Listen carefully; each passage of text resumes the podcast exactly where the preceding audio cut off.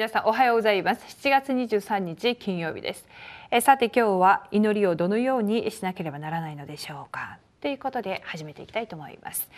ヨハネの福音書14章14節です。あなた方が私の名によって何かを私に求めるなら私はそれをしましょう。はい。アーメン。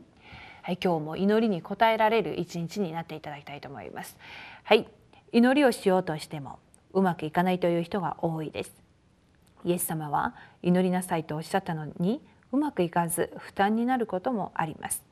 祈れば答えを受け祝福が来るようになっています。それなら祈りをどのように始めればよいのでしょうか。はい。もう永遠なこの私たちの宿題でありますよね。祈りの答えを受けるっていうこと。祈りの祈りに答えを受けるっていうことはもう決まってるんですがどうして私たちは日頃祈りに答えられずにいるんでしょうか。えー、今日ですねヨハネ14章14節のように、えー、求めるべき方その主にですね主の皆によって祈る時に主が答えてくださるっていうことなんですが、えー、では私たちが、どうして祈りに応えられていないのか？祈りの課題に問題があるのか？祈り方に問題があるのか？それとも、え契約をまた逃した祈りなのか、えこういう部分を考えながらですね正しい祈りそして祈りの答えまた絶対に答えられるはずなのにどうしてうまくいかなかったのか？こういう部分をまた見つけていただきたいなと思います。はい。大きな一番です。神様と通じる祈り。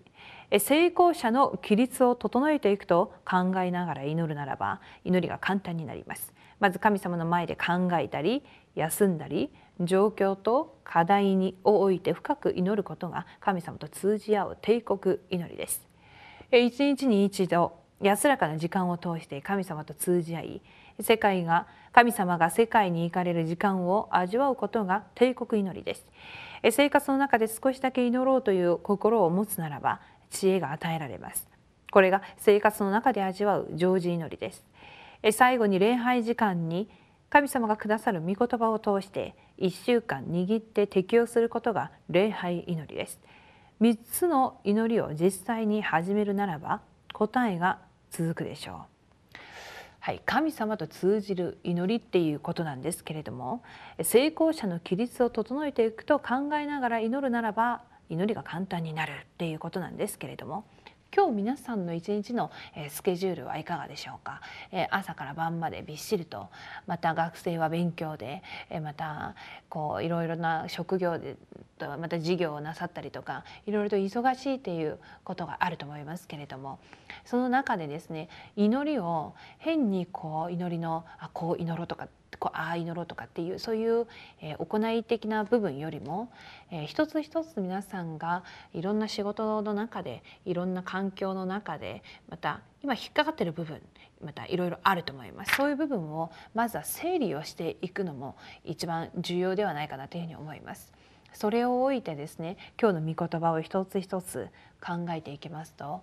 福音が整理される分祈りの課題が整理されていきましてその祈りにその祈りの課題っていうのはつまり与えられた自分の目先に来ている問題その問題がまたポイントとなります。そこに秘められた神の計画。それは神様と通じるようにまた通じれるようになる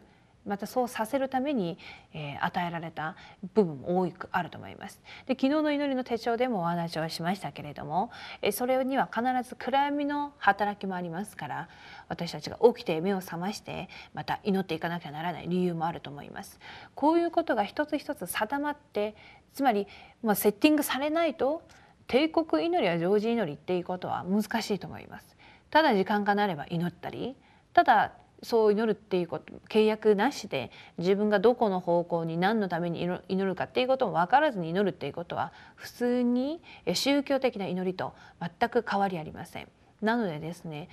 祈るっていう祈りっていう部分をあこう祈ろうっていうことが祈りっていうわけではなく一つ一つと規律を整えていく中でまあスケジュールの中自分が抱えている部分整理をしていく中で発見してきている部分それを握ってですねあの生涯の祈りの課題を見つ見つけられていくまで皆さん一つずつ見つけていただきたいなと思います。重要なのは御言葉の中でまた福音の中でそれらを発見していくことが重要だと思いますはいでは大きな2番です福音を味わう祈り祈りをはじめ答えを受けるためには福音を味わう祈りをしなければなりません福音を味わう祈りとはキリストの中にある祝福を繰り返し考えて祈ることです。その中で全てのスケジュールを置いて出会う人のために祈ればよいのです。また未信者の霊的な状態にかつ権威を持って祈り祈りながら福音の中で誠に優れたものを見分けることができるようになると これが福音を味わう祈りです、えー、祈る理由を発見して福音を味わう祈りを始めるならば全ての門が開かれ始めます。え今日祈る時ですね今日ヨハネ14章14節にあなた方が私の名によって何かを私に求めるなら私はそれをしましょうということです。主の皆でイエスの皆によって私たちが祈ることが非常に重要だと思うんですが答えを与える方が主でありその主がまた私たちを導かれますこの主は神であり神はまた御言葉です。そして初めに全てのことを創造しまた神は最初から自らおられる方であって神は言葉であるとも言われております。この御言葉はヘブル4章12節も書いてあるように私たちの全てのまた関節や脊髄やまた霊や霊的な部分や肉体的な部分精神的な精神的な部分をこうすこう切り落として差し通す本当に鋭い力があります生きて働くからですでは今日、えー、神様と通じる祈りまた福音を味わう祈りっていう部分があるんですが一番重要なのはイエスの皆で祈るが何を祈るか契約を握って契約が成就されるために祈るのです。私たちの中に御言葉がどれほど根付いているかが非常に重要なポイントになると思います。神を信じるっていうこと神様と通じるっていうことは御言葉が私のものになり御言葉が自分のものになるっていうことは御言葉を信じていくでも信じるっていうこともですねいろんなこう書いてある文章も重要なんですが聖書の御言葉聖句を私たちがまた信じていく部分が重要だと思います。今日いろんな内容が書いてありますけれどもこれら全ては主の皆によって主が主に求めることで主が与えられるこの信仰このように14章14節がまた皆様のものになっていただきたいと思います。はい、それでですねその御言葉が皆さんのものになりその御言葉が問題の前でその御言葉が思い出されるようになりその御言葉があるために私たちは信仰の上に立てるようになると思います。はいでは大きな3番です。伝道を味わう祈り。はい、伝道を味わい、えー、伝道を味わう祈りを始めるならば目が開かれ始めます。すべての事件、すべての人、すべての状況が伝道の門になるということを悟るようになります。生活の規律を整えるならば自分自身が安定するようになりこの祝福が見え始めます。この時から伝道の門が開かれれば私のすべてのこととつながるようになります。私がしている勉強、職業、仕事が伝道につながる専門性が回復されます。もっと深い祈りを通して隠された霊的問題を発見するようになり霊的な問題が発見される分特別な祈りが成り立つようになります。隠された霊的問題ゆえに落胆せず祈りの祝福を正しく味わうならば癒しの答えが来るようになります。はい、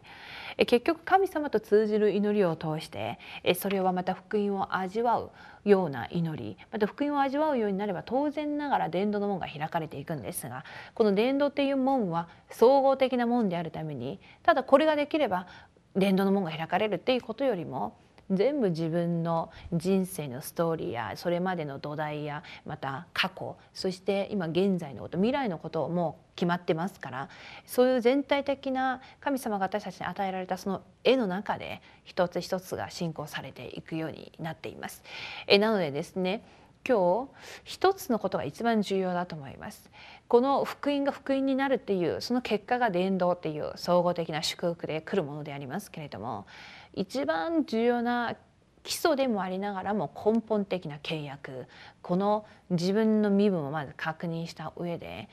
本当に信じるっていうことを御言葉を今日一日握っていただきたいと思います。御言葉を握りながらそれを考えて黙想していくうちにそれが一つ一つ自分の中に入ってきてその入ってきているっていうことそれができてこそ集中祈りができたりまた特別に祈りもまたまた常時祈りも成り立っていくと思います。なので今日一言でも構いません。皆さんのメッセージをまず見つけてください。